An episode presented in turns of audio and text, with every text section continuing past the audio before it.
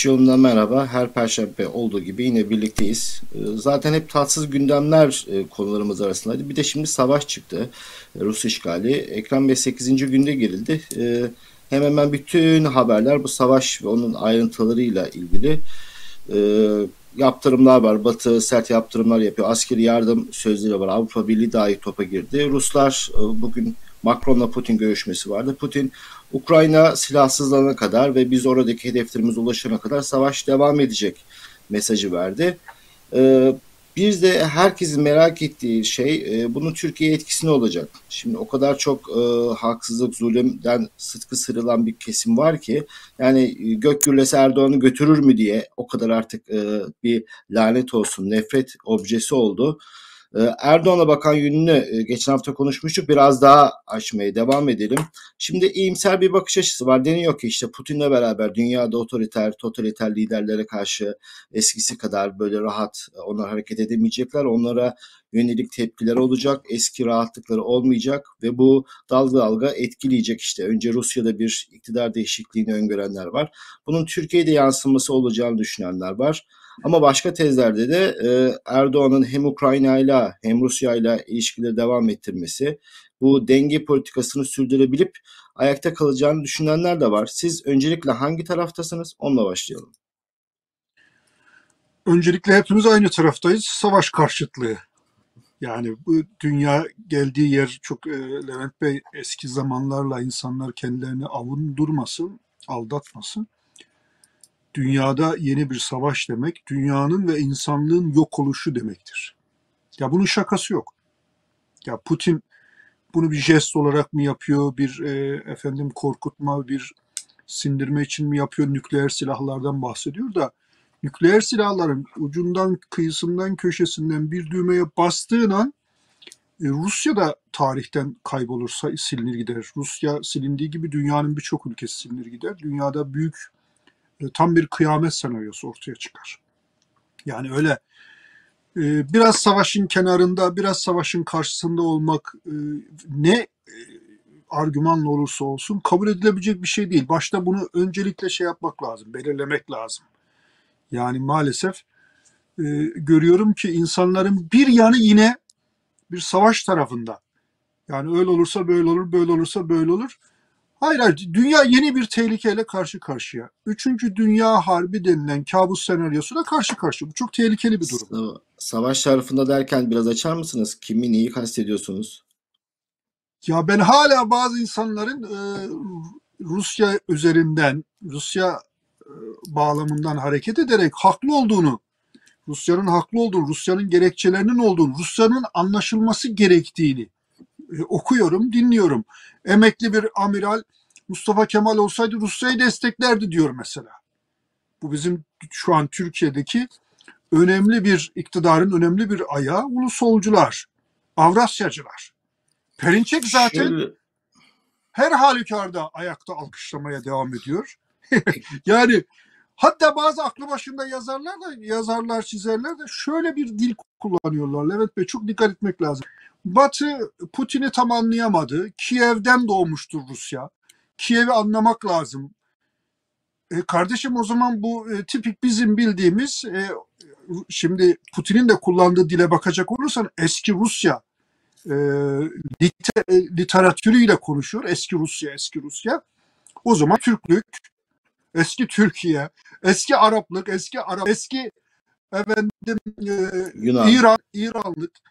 E, bu o zaman bir Rus Turanizmi var. Yani eğer sen Rusya'nın anlaşılması gerektiğini ve Batı'nın bunu anlayamadığını, normalde Ukrayna'nın tarihler boyunca, tarih boyunca, tarihi süreçler içerisinde Rusya'nın manevi olarak, kültürel olarak, efendim, vesaire, siyasi olarak bir parçası olduğunu geçmişte bir birlikte söylersen o zaman e, Pantürkizm de aynı şeyi söyleyecektir. Yani e, tarih boyunca beraber olduğumuz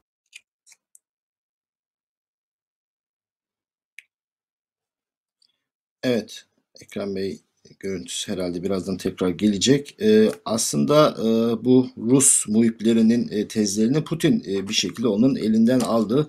Çünkü e, ilk e, e, savaşın işgalin başlama sebebi o Ukrayna bölgesindeki o Rusların yoğun olduğu o Donbas bölgesinden Donetsk ve Luhansk'taki Rusların haklarının tanınmadığı daha önce 2013 ve 2014 yılında imzalanan Minsk Anlaşması'nın şartlarının yerine getirilmediği gibi e, tezler vardı. Şeyi bahsediyorum Ekrem Bey belki duyamadınız. Bu Rus e, muhiplerinin tezlerini aslında Putin ellerinden aldı. Çünkü e, Rusların yoğun olarak yaşadığı ve haksızlığa uğradığını iddia ettiği bölgelerde kalmadı. Yani e, Ukrayna'nın her yerine saldırıyor. Bugün e, bazı şehirlerde sivil hedefler de vuruldu. Elektriğin olmadığı şehirler bahsediliyor. Kiev e, hakeza öyle. Hani sadece oradaki Rusların haklarını savunma e, da kalmadı savaş. Tamamen Ukrayna işgale dönüştü. Ve artık açık açık e, asla e, işte NATO burada genişleme sürecindeydi. Bu bize çok büyük tehditti. Ukrayna'yı bir nevi beti alem yapmaya çalışıyor. O yüzden hani o Rus e, muhiplerinin tezlerini aslında Putin kendisi çürüttü. Ama Putin'in söyleminde bir değişiklik yok. Yani Putin e, eski Rusya demekle yani e, o zaman karşımıza bir coğrafya çıkıyor Levent Bey.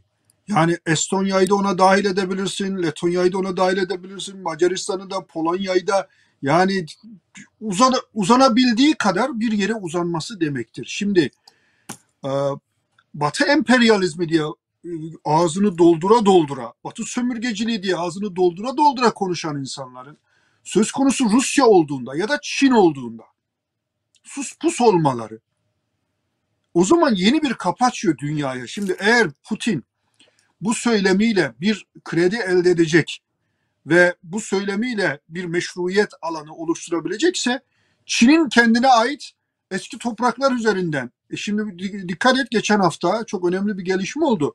Amerika'da çok üst düzey bir yetkili grup e, Tayland'ı ziyarete gitti. E, bazı ülkelerle ilgili Çin'in de benzer bir eylem yapacağından endişe duyuyorlar.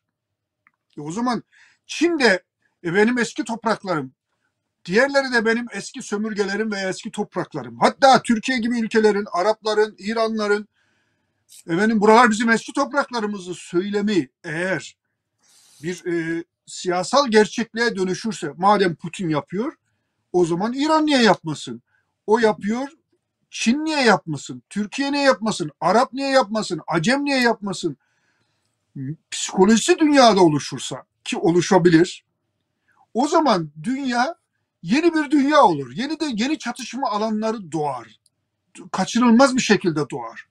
Çünkü zaten Putinizmin bu dünyadaki otoriterleşme konusunda açtığı, verdiği bir ilham var Levent Bey. Yani dünyada bir anda dünyanın hatta bazı batılı ülkelerde bile bir anda böyle e, otoriter rejimlerin ortaya çıkma temayülü, otoriter liderlere özenti duyulmasının sebeplerinden bir tanesi Putin'in Sovyet Sosyalist Cumhuriyetler Birliği'nin küllerinden yeni bir devlet ve güçlü bir devlet oluşturması. Şimdi geldiği yer hani ilk başta senin de söylediğin gibi Ukrayna'nın bir tarafında Rusya'nın Rus, Rus nüfusunun yoğun olduğu yerde insanların haklarının müdafasından çıktı. Ukrayna'nın tamamını işgale geldi. O da yetmiyor. Eski Rusya söyleminden hareketle yapılan söylemler, konuşmalar e, yeni bir e, Rus Turancılığını bana çağrıştırıyor. Yeni bir Rus Turancılığı demek dünyada 50 tane 50 çeşit Turancılık oluşması demektir ki asıl üzerine durulması gereken de şudur. İster İslamcılık, bütün İslam ülke, pan-İslamizm diye o tanzimat döneminden sonra kurtuluş çareleri ve reçetelerinden birisi olarak anılan. İster bütün Türklerin bir araya gelip pan-Türkizm gibi. Ne pan-Türkizmin ne pan-İslamizmin ne de bugünkü sosyal ve siyasi gerçekliği olmayan ama bir takım nostaljik duygularla, bir takım romantik duygularla bir birliktelik şarkısı söylemek şu an için dünyanın dünya açısından, dünyanın geleceği açısından en tehlikeli seçimlerden bir tanesi. Bunu söylemek istiyorum. Yani bunu bunu çok iyi kavrayamazsak önümüzdeki 5-10 yıl içerisinde zincirleme bir kısım intihar eylemleri, devletlerin intihar eylemleri olacağını düşünüyorum.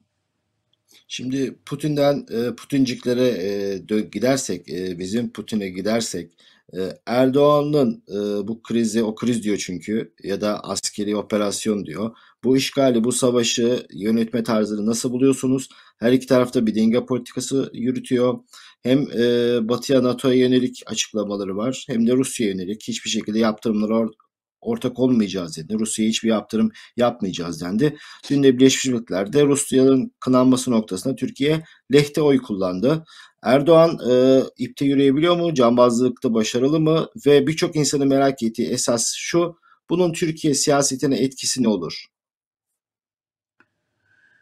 Valla bir kere e, başkası olma kendin ol diyordu ya Tarkan. Önce bir kendisi olması lazım. Çakma Putin, çakma halife, çakma efendim lider, çakma bunların hiçbirisinin kıymeti yok. Dün dünde kaldı cancağızım. Bugün yeni bir şeyler söylemek lazım. Bugünkü denge nedir? Dünya nereye gidiyor? Dünya giderken gittiği yere Türkiye'yi nereye sürükleyebilir? Bunu iyi anlamak lazım. Eğer anlamazsa öyle hem orada oynayacağım hem burada oynayacağım hiç kimseye güven vermeyecek bir şekilde güya senden başka akıllı insan yokmuş gibi bir Ukrayna'nın yanında gözüküp sonra Rusya'ya destek Şimdi insanlar tabii ki soruyorlar. Geçen hafta e, Doğu Perinçek'in anlatımına göre Perinçek'in adamları Perinçek'in parti yetkilileriyle beraber Ethem Sancak'ın da olduğu bir heyet Rusya'ya gidiyor görüşmeler yapıyor. Ethem Sancak'ın Erdoğan'dan habersiz değil Rusya'ya tuvalete gitme hakkı yok. Ya böyle bir adamın iktidarla ve Erdoğan'la bu kadar iç içe girmiş efendim Şemsi Tebrizi gibi aşığım deyip de saçma sapan laflar eden bir adamın Erdoğan'dan habersiz Moskova'ya gitmesi düşünülebilir mi? Yani bunu da dünyanın görmemesi, özellikle Batılıların görmemesi düşünülebilir mi? Ya burada Sizce e, riyakar rollerden Erdoğan'ın e. Rusya ilişkilerde, Putin'le ilişkilerde Perinçek ya da adamlarına bir ihtiyacı var mı? Bence sanki biraz Perinçek ve ekibine çok fazla güç vehmediliyor gibi. E, Perinçek rolü kaptı zaten. Yani Erdoğan'a İşte güvenmedikleri ne kadar belli. gerçekçi? Şunu, şu açıdan gerçekçi Levent Bey. Erdoğan'a Ruslar da güvenmiyor. Erdoğan'a e, Türkiye Cumhuriyeti Devleti diyorum. Erdoğan'ın böyle yazar gezer, yüzer gezer, bir oradan bir oraya, bir oradan bu öbür tarafa zıplayan, hoplayan psikolojisini, metodolojisini ne diyeceksek e, Ruslar e, herkesten daha iyi biliyor. Dolayısıyla öteden beri kendi aralarında bir bağ olan, en azından belli bir e, trafiği olan insanlarla da görüşme ihtiyacı duyabilirler. Veya Erdoğan kendisine yapılan muamelenin farkında olduğundan dolayı bunları devreye sokabilir. Çünkü sonuçta Perinçek dediğin adam kılıktan kılığa girebilen, renkten renge bürünebilen, her dönemin en baş aktörlüğüne soyunan ama figüranlık ötesine geçemeyen bir insan. Dolayısıyla açıldığı bir kanal var. İster oğlu vasıtası, ister kendisi vasıtasıyla. Ee, neredeyse eskiden çok anti-Rusça, Rus taraftarı olan, Çin ve Mao'cu olan. Şimdi belki sevgili genç seyircilerimiz bunu bilmezler. Perinçek dediğin eski Mao'cu komünistti. Öyle bilinir, öyle tanınır, öyle anlatılır, öyle söylenirdi. Kendilerini öyle ifade ederlerdi. Sonra Kemalist oldu. Bir ara apoist oldu.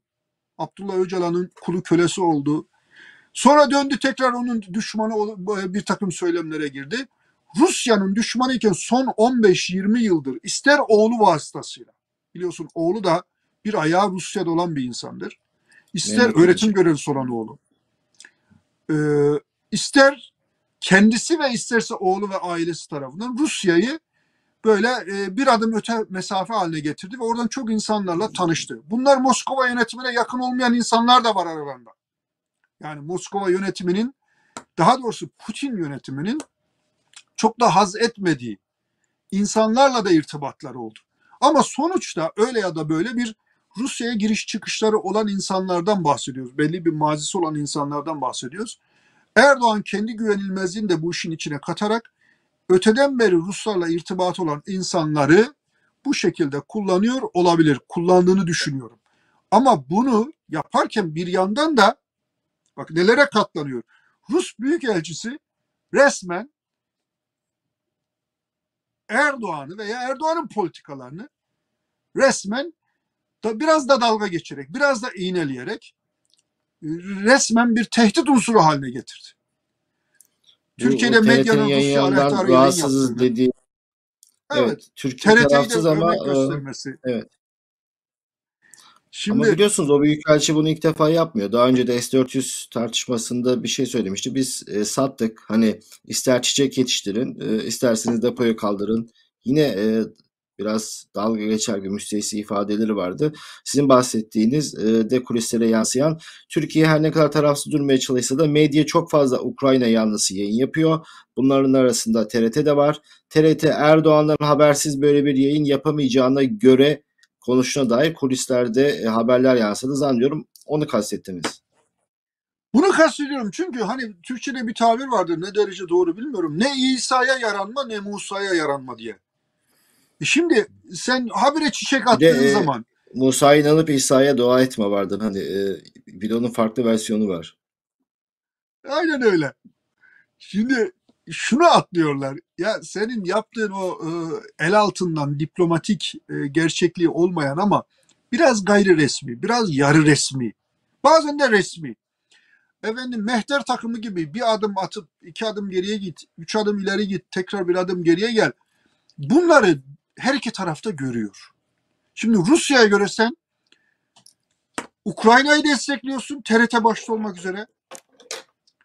E, Batılılara göre de Avrupa Birliği'ne göre de sen resmen Rusya'nın politikalarına aracı oluyorsun.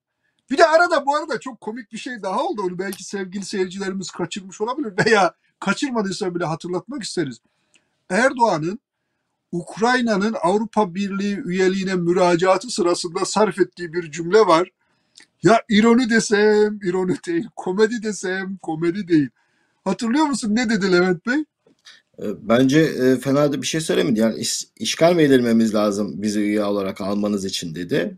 E, değil mi? Bunu E söylüyorsunuz. kardeşim tabii ki yani bizim Avrupa Birliği'ne üye olmamız için işgal mi edilmemiz lazım? Ya sen Avrupa Birliği'ne niye üye olmadığın belli değil mi? Sen insan Ki haklarını askıya alan adam değil misin? Türkiye'de yeniden işkenceyi ihya eden adam değil misin? Demokrasinin ırzına geçen adam değil misin? İnsanları açlığa, kıtlığa, yokluğa mahkum eden ve Türkiye'yi bir istihbarat devleti haline getiren, polis devleti haline getiren sen değil misin? Senin niye Avrupa Birliği'nde e, yolunun tıkandığını bilmiyormuş gibi bizim de işgal mi edilmemiz lazım? Seni kim iş, seni Rusya işgal edebilir? Kim işgal Bir de edebilir? şu var hani sanki AB'ye girmeyi çok istiyormuş da e, çok mücadele vermiş bununla alakalı da Avrupa Birliği almıyormuş gibi. Avrupa Birliği Erdoğan'dan çok memnun çünkü hatırlarsanız AKP'nin ilk yıllarında e, bizlerin de destek verdiği dönemlerde reform üstüne reform yapıp e, neredeyse AB liderler arasında tartışma konusuydu Türkiye. Ya bunun almayı nasıl zorlaştırabiliriz? Acaba her ülkeye tek tek referandum mu getirsek? Hatırlayın Sarkozy, Merkel Türkiye'nin önünü nasıl kesebiliriz e, diye girişimler de vardı. Daha sonra e, bütün o hepimizin tanık olduğu süreçte Türkiye AB'den çok uzaklaştı. Artık AB Türkiye yan yana bile e, gelmiyor. Herkes ki Erdoğan kendisi de o ekonomik avantajların olduğu anlaşmaya razı. Hani sanki Türkiye Avrupa Birliği'ne sokmaya çalıştı da adamlar almamış gibi konuşması enteresan. Bir de e, kriz var. İşgal, e, savaş, asker operasyon diyordu ama Ukrayna'ya ya da AB'ye laf sokmaya gelince de işgal diyor. E, istila diyor. Ya ben o Avrupa Birliği meselesini şöyle bir şeyle kapatalım, uzatmayalım. Şimdi daha başbakan bile değilken hatırlarsan e, Brüksel'e yaptığı bir ziyaret vardı. 8-10 gazeteci arasında ben de vardım. Burada Amerika Birleşik Devletleri'ne gelip Bush'la görüşüp ardından Avrupa Birliği seyahati vardı. Orada liderlerin Erdoğan'a, daha doğrusu Türkiye'ye Avrupa Birliği üyesi olmak isteyen ve demokratik çıtasını yükseltmek isteyen, insan hakları çıtasını yükseltmek isteyen Türkiye'ye karşı muazzam bir sevgi vardı. Erdoğan o sevgiyi kendi elleriyle yok etti. Bak basit bir şey söyleyeyim. O gün özellikle Yeşiller grubunda olan ve Liberaller grubunda olan Sir e, şeyde k- kastediyorum Graham Graham Watson başta olmak üzere. Yeşiller içerisinde de Cem Özdemir, şimdi hakaret ettikleri Cem Özdemir var ya, Cem Özdemir başta olmak üzere. Ya düşünebiliyor musun Levent Bey o gün Türkiye ile Avrupa Birliği ilişkilerini ayakta alkışlayan ve alkışlatan insanların hemen hepsi hakkında Türkiye'de dava açıldı. Lacan Daik diye bir adam vardı, bir insan vardı. Sen de tanırsın, ben de ta- tanırım. Haza beyefendi, Haza Türkiye için çırpınan bir adamdı. Geldi bir de Türkiye'de evlendi. Türkiye'nin damadı oldu. Adamı neredeyse hapishanelerde çürüteceklerdi. Ali Yurttagül'ün malına mülküne el koydular. Türkiye'ye gitmesi gelmesi sorun haline geldi. E bu insanlar ister Ali Bey, ister Lahendijk, isterse diğer e, Sir Graham Watson. Ya bunlar Türkiye'nin Avrupa Birliği üyesi olması için böyle inanılmaz bir gayretle çalışan insanlardı. Sen öyle köprüleri yıktın ki bu vefasızlık desen vefasızlık, nankörlük desen nankörlük. Ne bileyim daha ne söyleyeyim yani. Sen Avrupa Birliği ile ilgili kurduğun bütün köprüleri eline aldığın bir balyozla parça parça ettin. Bir kibritle bütün köprüleri yaktın, yıktın. Sonra da kalkmış ya yapalım biz de işgal mi edilelim? Ve senin zamanında bu da olabilir yani. Bu sen öyle bir tehlikeli e, iplerde hoplayıp zıplıyorsun ki kime neyi nasıl peşkeş çekeceğini dünyada insanlar kestiremiyor. Evet bu, bu bahsi böyle bitirelim yani. Dönüp bir bakalım. 2001'de verdiğin sözler, ortaya koyduğun gayret ve 2010'a kadar ortaya koyduğun gayret sonra 2010'dan özellikle 2013'ten yolsuzluk dosyalarının ortaya çıkmasından sonra ortaya koyduğun performansı o zaman diyeceksin ki kendim ettim, kendim buldum, gül gibi sararıp soldum. Eyvah, eyvah diyeceksin. Başka yolu yok. Ee, anladığım kadarıyla dünyada değişecek konjonktür, değişecek havayı Erdoğan'ı da götüreceğini, mutlu etkilerini mutlaka Türkiye'de yansıyacağını şeklinde özetleyebiliriz e, söylediklerinizi. Bu Rusya'nın işgali sonrası Batı'da e, çok sert tepkiler var e, Rusya'ya karşı ama bu tepkiler zaman zaman Rus vatandaşlara da yöneliyor. Bununla alakalı da mesela biraz önce söylediğiniz o Rus muhiplerinin de eleştiri var. Mesela Bağdat bombalanırken de kimse savaşa karşı çıkmadı ya da Afganistan hani herkese düşüncesini özgürce söyleyebilir. E, bu hafta bir gelişme yaşandı. İşte Münih Senfoni Orkestrası'nın şefi savaşa karşı olduğunu ilan etmediği için e, görevinden alındı. İşte sporda yaptırımlar var, iş adamlarına yaptırımlar var. Bu savaş ortamlarında böyle oluyor. Savaş ortamlarında kantarın topuzu kaçıyor. Siz de bu görüşe katılır mısınız? Rusya'ya, Putin'e, Rus hükümetine karşı çıkmakla Rusları, vatandaşları e, hedef almak ya da onlara karşı bir fobi geliştirmede ince bir çizgi var. Onun e, ara sıra kaçtığını düşünüyor musunuz Kantar'ın topuzun? E, tabii kaçabilir. Çünkü anormal bir e, psikolojiyle karşı karşıyayız. Batı'yı da iyi anlamak lazım. Çünkü e, Avrupa Birliği üyeleri için söylüyorum. Özellikle Avrupa için söylüyorum. Yani Ukrayna, e, Ukrayna'nın yanında diğer ülkeleri de yan yana koyuyorlar diyorlar ki herhalde Rusya buraya göz diktiğine göre eski Rusya nostaljisi de oluşturduğuna göre yeni bir Sovyet Sosyalist Cumhuriyetler Birliği fikrine de kapıldığına göre bir Rus Turancılığı ortaya koyduğuna göre ben öyle ifade edeceğim artık başka bir şey demiyorum çünkü herkesin kendine göre bir Turanı var artık. Rus Turancılığı ortaya koyduğuna göre bu gelip Avrupa'ya dayanır. Şimdi e, Putin'in şöyle bir şeyi var Levent Bey kendi halkı da dahil kimseyi ikna edemedi. Yani niye Ukrayna'ya sen topyekün askeri hareket yapıyorsun? Hadi baştan dedin ki NATO'nun efendim buraya kadar gelmesini ben onaylamıyorum. NATO'ya üye olacak. NATO'ya üye olmaması garantisi istiyorum falan filan. Ukrayna'nın bir kısmında Rus e, nüfusunun ağırlıklı olduğunu düşünerek oranın haklarını istiyor. Tamam burada kadar bir şeyler bir siyasi müzakereler yapılıyordu diplomatik temaslar devam ediyordu. Müzakerelerin sonucunda bir şeyler elde edilebilirdi. Sen şimdi paldır küldür girmekle, Ukrayna'ya girmekle yetinmiyorsun. Aynı zamanda başka ülkelerin de risk altında olduğunu çağrıştıracak bir retorik geliştiriyorsun. Bu Batılılar için büyük bir kabus. Çünkü bir adım ötesi resmen savaşmaktır. NATO ile savaşmaktır. Yani Tabii bu psikoloji içerisinde yanlış şeyler yapılıyor, e, yapılabilir, yapılıyordur. Yani bunu bunu e, atlamamak lazım. E, ve şunu da bir şey bugün e, bilmiyorum New York Times'da Friedman'ın yazısını gördün mü bilmiyorum. Üç senaryodan bahsediyor. Üç senaryo e, önemli bir e, yazı bence. Doğru da bir yazı, dikkatli okunması gereken bir yazı. Yani birisi diyor e, Rusya'nın işgale devam etmesi, hatta eski Rusya söylemini devam ettirip başka ülkelere de sarkması böyle bir ihtimal var. Bu diyor dünyanın bir kabusudur. Çünkü bunun gittiği dayanacağı bir yer var. O var gitti gidip dayanacağı yerde kaçınılmaz bir dünya savaşı çıkabilir. Bu çok riskli bir şey diyor. İkincisi diyor kirli ittifaklar kurarak yani nedir? Rusya'yı bunaltmak, bunaltmak ekonomik açıdan. Bunalttıktan sonra e, Ukrayna'yı da pazarlık masasında kullanarak, belki başka şeylerde masa, masada kullanarak.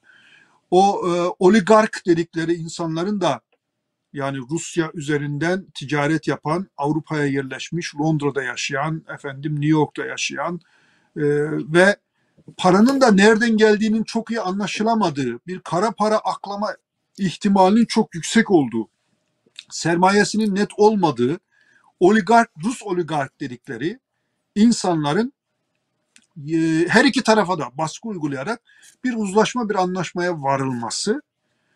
Üçüncü bir yol daha var diyor. En ihtimali düşük fakat en şey diyor e, sağlıklı da odur diyor Rus halkı.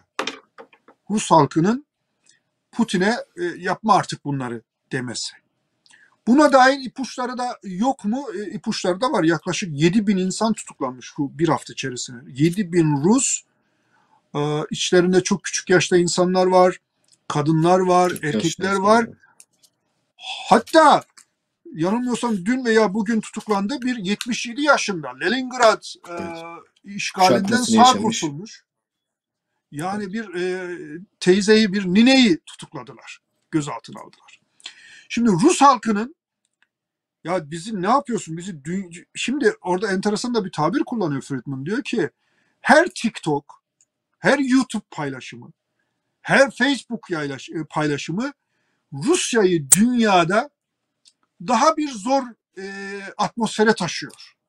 Seyahat edemez hal ve kendi içine hapsediyor. Yarın bir gün diyor bir Rus vatandaşı, bir Rus e, ki, e, pasaportu taşıyan, Rusya pasaportu taşıyan bir insan ya, eğer bu böyle devam ederse yakında diyor dünyanın hiçbir yerine turist olarak bile gidip gelemeyecek.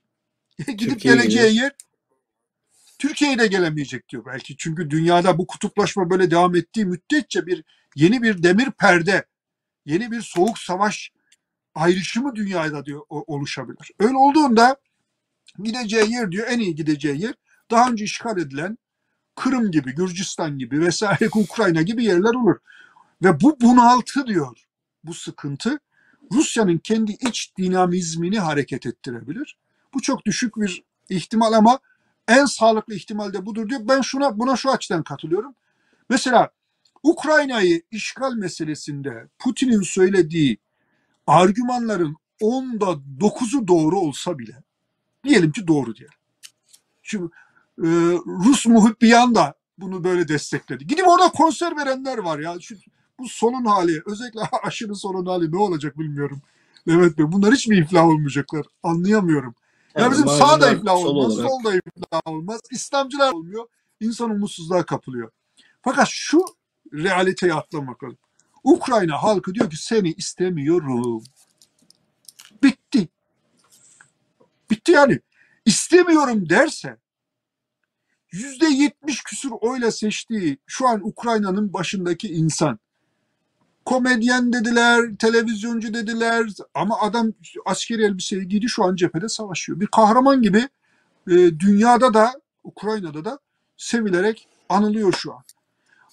Özü bir günün sonunda mesleği e, komedyenlik olabilir. Adamın mesleği komedyenlik. Bizimkilerin siyaseti komedyen. Yani adama çok küçümsediler de hiç öyle düşündükleri gibi de çıkmadı.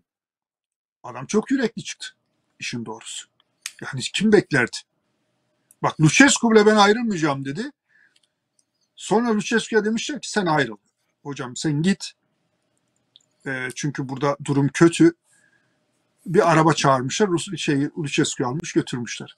Şimdi Lucescu bile e, ben gitmeyeceğim. Ben çok ağır bir ifade kullanmıştı. Ben korkak mıyım? Niye kaçayım? Niye gideyim diye. Ama anladığım kadarıyla kulübe çağırıyorlar. Hocam e, lütfen git diyorlar. O da gidiyor. Yani e, çok iddialı açıklamalarda bulunan insanların bile gitmek, terk etmek zorunda kaldığı bir ortamda komedyen diye aşağılanan, siyaseti bilmiyor diye aşağılanan, siyasetten gelmedi diye aşağılanan bir adam bir destan yazıyor. Öyle ya da böyle. Şimdi sonuçta söyleyeceğim şey şu. Halk bir halk. İster başka bir devlet, ister kendi devletini yöneten insanlara. Ben seni istemiyorum Düş babam artık düş yakamızdan dediği an meselenin bittiği andır Levent Bey. Ne yapabilir? Şimdi Putin'in yerine kendinizi koyun. Hani böyle benzetmekle teşbihte hata olmaz derler. Ne yapabilirsin? Bir, girdin madem bu kadar ben bir daha buradan çıkmam diyeceksin. Peki oradaki halkı ne yapacaksın? Ha şunu yapabilir. Çinliler onu yaptı. Enteresan bir şeydir o hikaye. Türkiye'de de bilinmez genellikle. Mesela Uygur Türklerini izole etmek için e, bir kullandıkları bir argüman var biliyor musun Levent Bey? Konuyu dağıtacağız ama sevgili seyircilerimiz bilsin, Yok. duysun. Ana dilde eğitim. Uygurlar diyorlar ki biz ana dilde eğitim istiyoruz. Tabii Çin siyaseti çok e, hakikaten yüzyılların binlerce yılın getirdiği bir siyaset. Tamam diyorsa ana dilde eğitim veriyoruz. Öyle bir ana dilde eğitim veriyorlar ki adamlar Türkçeyi biliyor, Uygur Türkçesini biliyor fakat Çince'yi öğrenemiyorlar. Halbuki ülkenin büyük bir çoğunluğu da Çince konuşuyor. Ve kendi kendine hani e, self isolation diyorlar. Kendi kendilerini izole ediyorlar. Bilen, öğrenen bir şekilde biliyor, öğreniyor ama genelde yeni yetişen nesiller Çince bilmeyince Uygur bölgesinin dışına çıkıp ticaret yapamıyorlar. Seyahat yapamıyorlar, anlaşamıyorlar, konuşamıyorlar. Ardından yeni bir hamle daha yapıyorlar. Çin'den esnaf, tüccar diye adamları getiriyorlar, Uygur Türklerin olduğu yerlere yerleştiriyorlar. Ve şu an gelinen nokta adamların evlerine adam yerleştiriyorlar. Yakında bir kitap çıktı.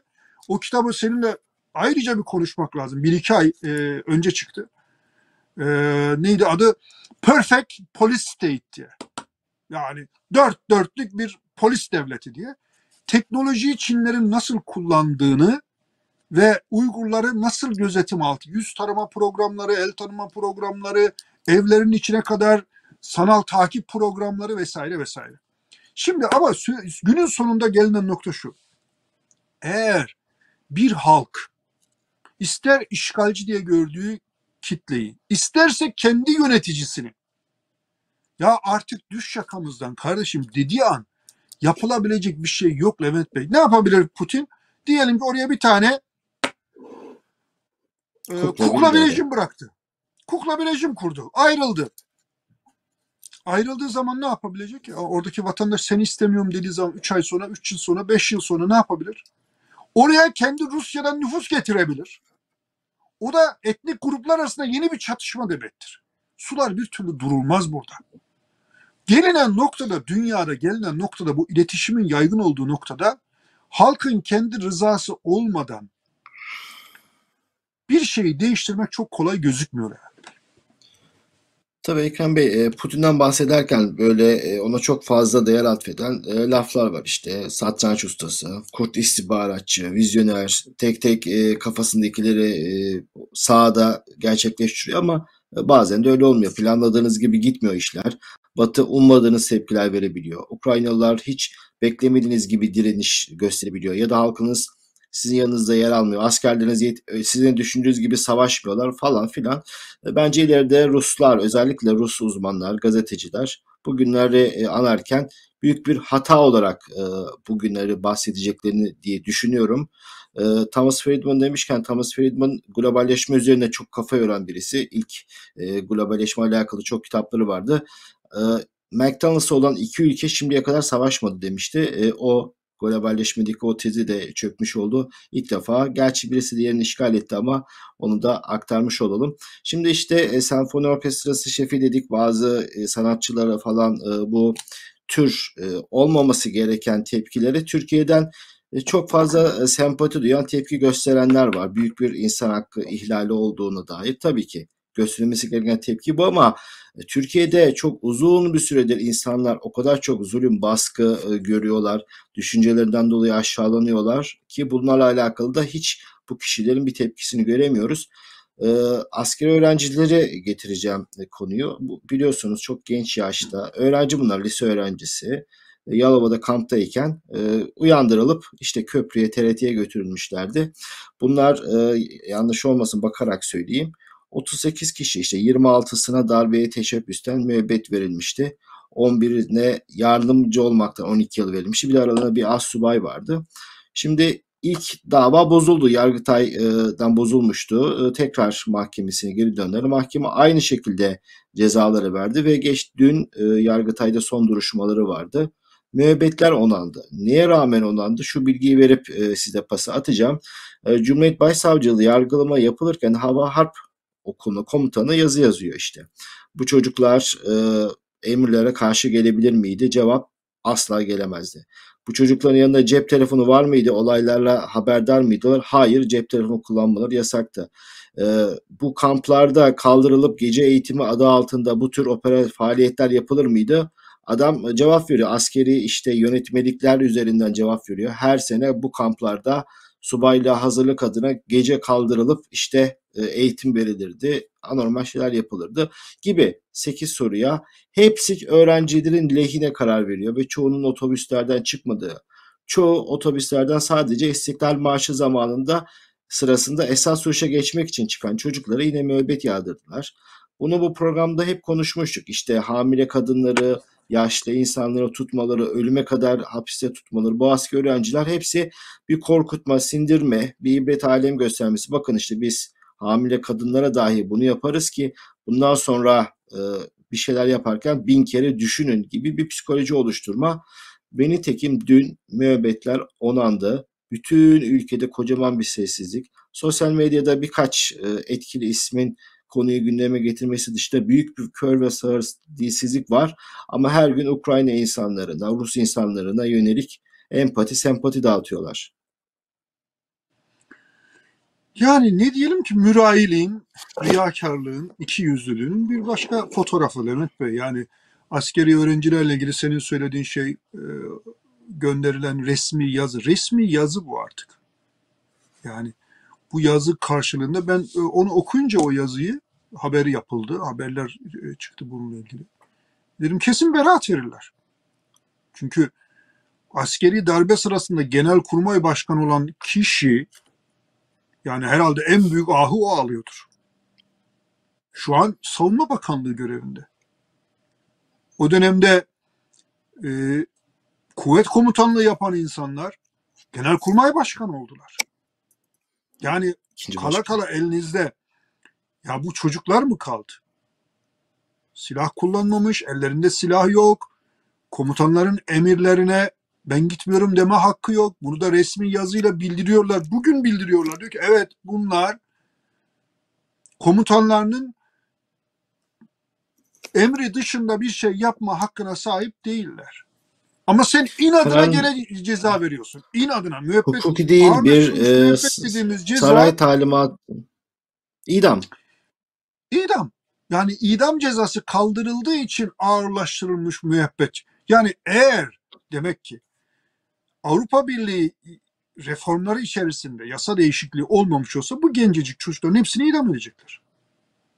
E be vicdansızlar, e be ahlaksızlar. Bu resmi yazıdan sonra bunu nasıl yapabilirsiniz? Bunun bir akılla, mantıkla, hukukla ilgisi yok. O zaman geriye ne kalıyor Levent Bey? Az önce sen de herhalde onu söylüyordun. Tabii. Talimat geliyor bunlara. Talimat yerine getiriyorlar.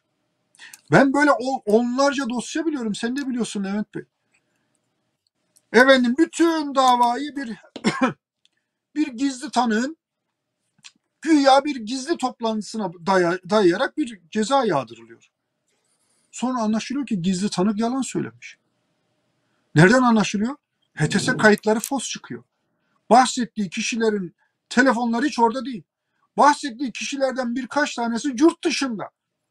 Söylediği tarihte yurt dışında. Çok ayan beyan yalan. Buna rağmen ceza yağdırıyor. E kardeşim dava çökmüş. Bütün deliller onca karartmaya rağmen, onca manipülasyona rağmen delil diye ortaya koyduğunuz her şey yerle bir olmuş. Ama sen hala ceza yağdırıyorsun. O zaman tek bir mantıklı açıklaması var Levent Bey. Yani sen talimatla yapıyorsun bunu. Adamın birisi oturmuş sabahın köründe herhalde ben hani Stalin'le ilgili bir şey anlatmıştım. Tekrar sevgili seyircilerimize hatırlatmak isterim. YouTube'da bulabilirler. Üç diktatörün hayatı. Bir günü. Üç diktatörün bir günü. Stalin, Kaddafi, Idi Amin. Üçünün bir gününü anlatıyor. Sabah ne yerlerdi, nasıl kaçta kalkarlardı, gece nasıl e, ulaşmak, gündüz boyunca ne, gün boyunca neler yaparlardı falan. Stalin için anlattıkları her sabah kalkıp listeden işaretleme yapıyor. Bunu Sibirya'ya sürün, bunu öldürün, bunu efendim affedin. Ve Türkiye bugün böyle yönetiliyor. Böyle yönetiliyor. Gencecik çocuklar. Üstelik sen bu iddiaları yaptın. E, mahkeme, Yargıtay bunu bozuyor. Çünkü apaçık bir hukuk ihlali bu. Sonra sen yine de üstelik yeni yazıya rağmen yani resmi yazıya rağmen bu Yazı. çocukların emir dışına Yazı 2016'da ama yoktur. E, bu çocukların lehine olarak e, dikkate alınmadığı görülüyor. Hiçbir şey dikkat almıyorlar ki Levent Bey. Yani Şöyle sanıkların lehine iki... olan hiçbir şeyi dikkate almıyorlar. Yazının Öyle 2016 yılına ait olması çok daha önemli çünkü 15 Temmuz'daki hemen sonraki psikolojiyi düşün. O anki iklimi ve e, oradaki söylemleri düşündüğünüz zaman e, Kasım ayında yazılmış yazı 2016'nın Kasım ayında böyle bir cevabın gitmesi çok daha önemli kılıyor. Yani bugün yazısı o kadar değerli diyemeyiz. Bu yazı daha önce biliniyor muydu? Zannediyorum dosyada muhakkak vardı. Sadece e, sanıkların lehine olarak dikkate alınmadığı yeni haber yapılmış olabilir. Evet çünkü ben sanki e, yazı da yeni yazılmış gibi anladım. Çünkü daha önce duymadığım bir konu. Belki de vardı biz bilmiyorduk.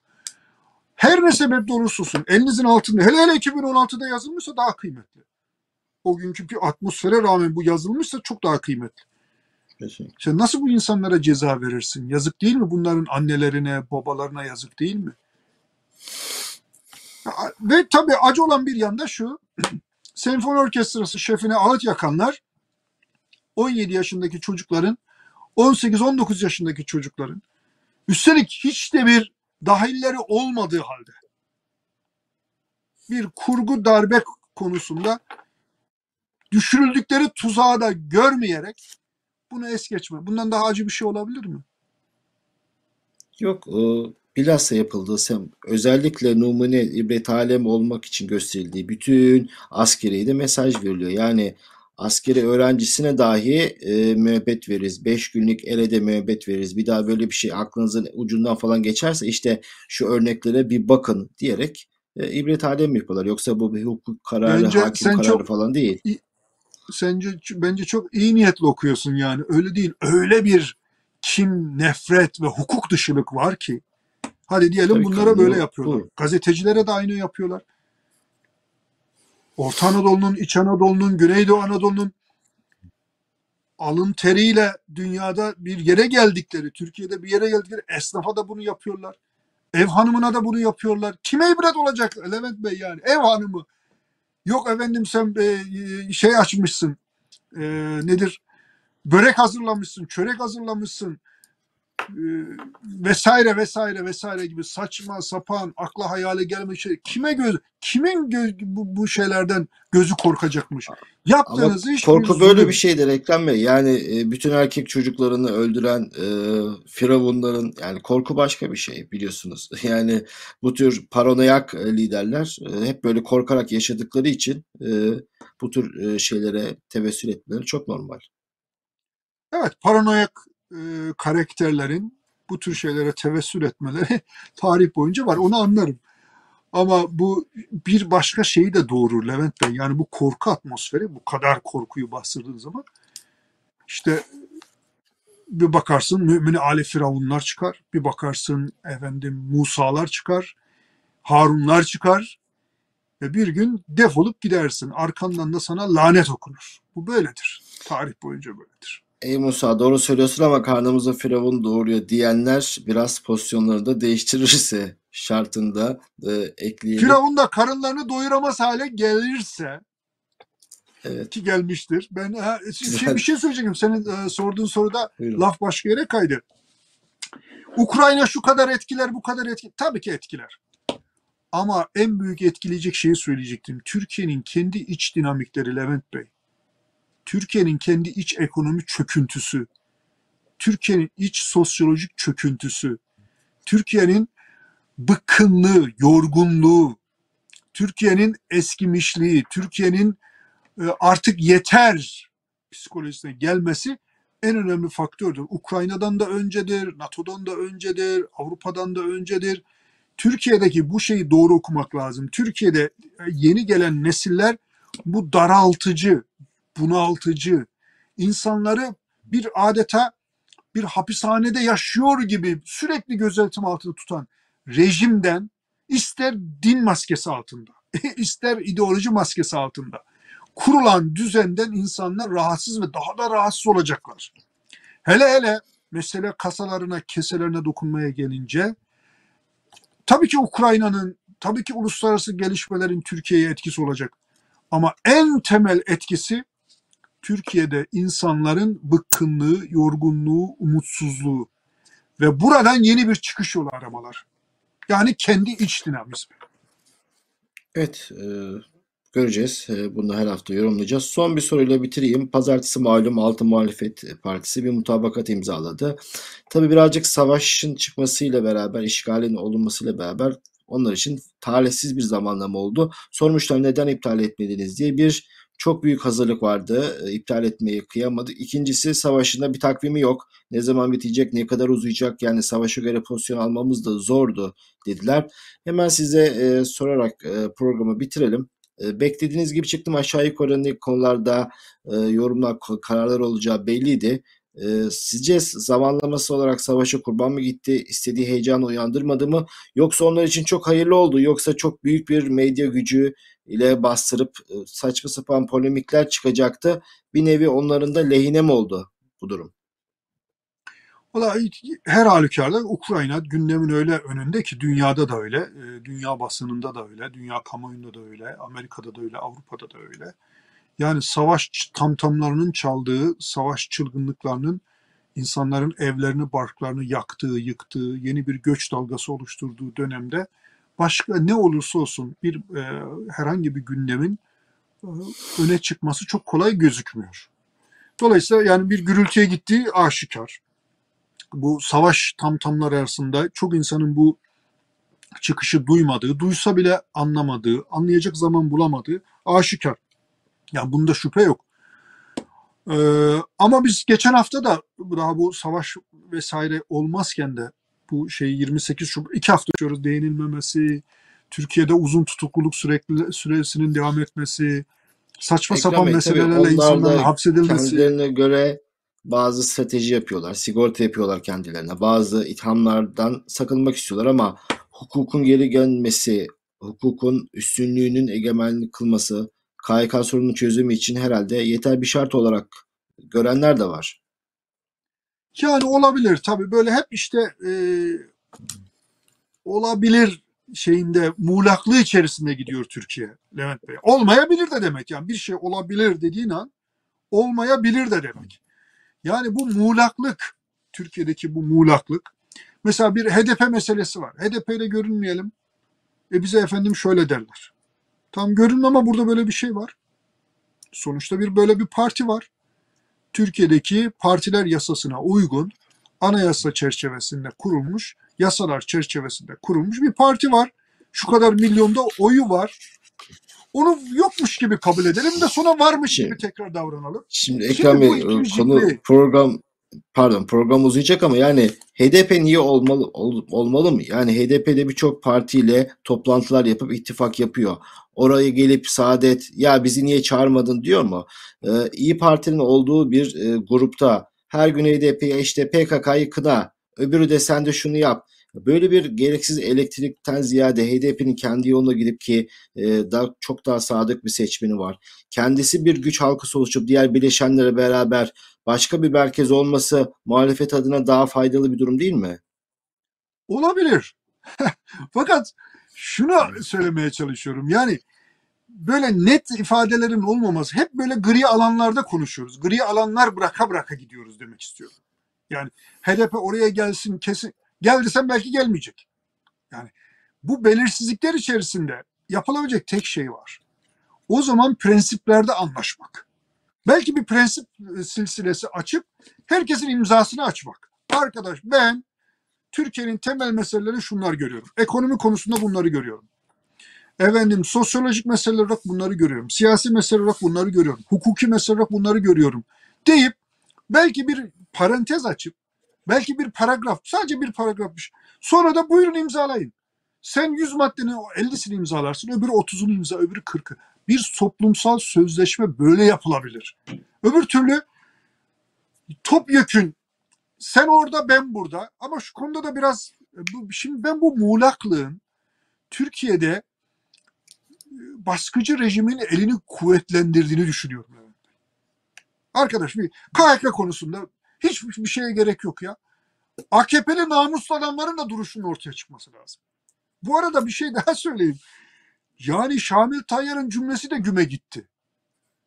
Şamil Tayyar'ın enteresan, şimdi Şamil Tayyar'ı ayrıca tartışabiliriz. Ben onu söylemiyorum. Ama bir tweet atıyor, tweette enteresan bir şey söylüyor. Bir eski derin devletten adamından medet ummak, bir eski e, sağ partinin içerisindeki işte bir siyasi liderden medet ummak, bir çocuk tacizcisinden medet ummak, AK Parti'nin yapacağı iş değildir. AK Parti halka dayanmalıdır diye. Şimdi eski derin devlet sözüyle kastetti Mehmet Ağar belli. E, AKP'nin medet umduğu, yardım istediği. Efendim e, eski başbakandan kasıt da belli. Tansu Çiller'in devreye sokulması. E, eski çocuk tacizcisi kimdir? Kimse bunu Şamil'in yakasına yapışıp da sormadı. Kim bu kim? eski çocuk tacizcisi kim ki Erdoğan ve AKP ondan medet umuyor? Kimse bu sorunun cevabını söyleyemedi. Ortada kaldı bence. Bence gürültüye gitti. Ukrayna savaşı çıkınca unutuldu. Ben bilmiyorum. Ama Şamil biliyor olması lazım. Kim bu? Türkiye'de böyle bir takım e, ipuçları, bir takım böyle emareler bir yerlere konuyor. Sen bilmiyorsun, ben bilmiyorum, bizim gibi insanlar bilmiyor ama bilenler biliyor. Zamanı gelince de patlatıveriyor. Türkiye böyle bir ülke. Bir gün daha şeffaf, daha katılımcı bir demokrasi ve gerçekten bir hukuk oluşabilirse o zaman Türkiye'nin meselelerini daha dürüstçe tartışma imkanı olacak. Yoksa şu an maalesef e, Türkiye evet. aynaya bakmayan ama herkese aynayı bakmaya davet eden bir ülke konumunda. Önce sen kendine bak ya böyle çakma Putin orada dururken Putin'e söylediğin lafların hiçbir anlamı kalmıyor. Yani. Evet. E, yine de imza atanların profiline baktığında zaten hani muhalefetten bir cacık olsaydı bu hallere düşmezdik. Hani bir kere e, bunu teslim ederek konuşalım ama yine bloğa baktığımızda dini duyarlı olan bir parti var. Milliyetçi bir parti var. Merkez sağ partileri var. Eski dönem AKP'de çalışmış yani bakanlık yapmış, başbakanlık yapmış kişiler var. Ve laik bir parti var. Türkiye'de laiklik dendiği zaman sembol isim olan CHP var. O yüzden e, bu farklı görüşlü insanların bir araya gelmesi bir kazanım. Bardağın dolu tarafı olarak böyle görebiliriz. Türkiye'nin gerçekten iç huzura ihtiyacı olduğu, insanların kavga etmeden, birbirlerine nefret saçmadan bazı şeyleri tartışabilmeye çok ihtiyacı olduğu bir dönemde bence bu fotoğrafın bir anlamı var. Hani hepsi tek tek eleştirip yerin dibine sokulabilir ama hakkı da teslim edilin bir araya gelmiş olmaları da Türkiye için dileriz bir kazanıma dönüşür. Bu mesajla da haftalık programımızı bitirmiş olalım. Değerli izleyicilerimiz haftaya Perşembe tekrar birlikte olmak dileğiyle. Hoşçakalın.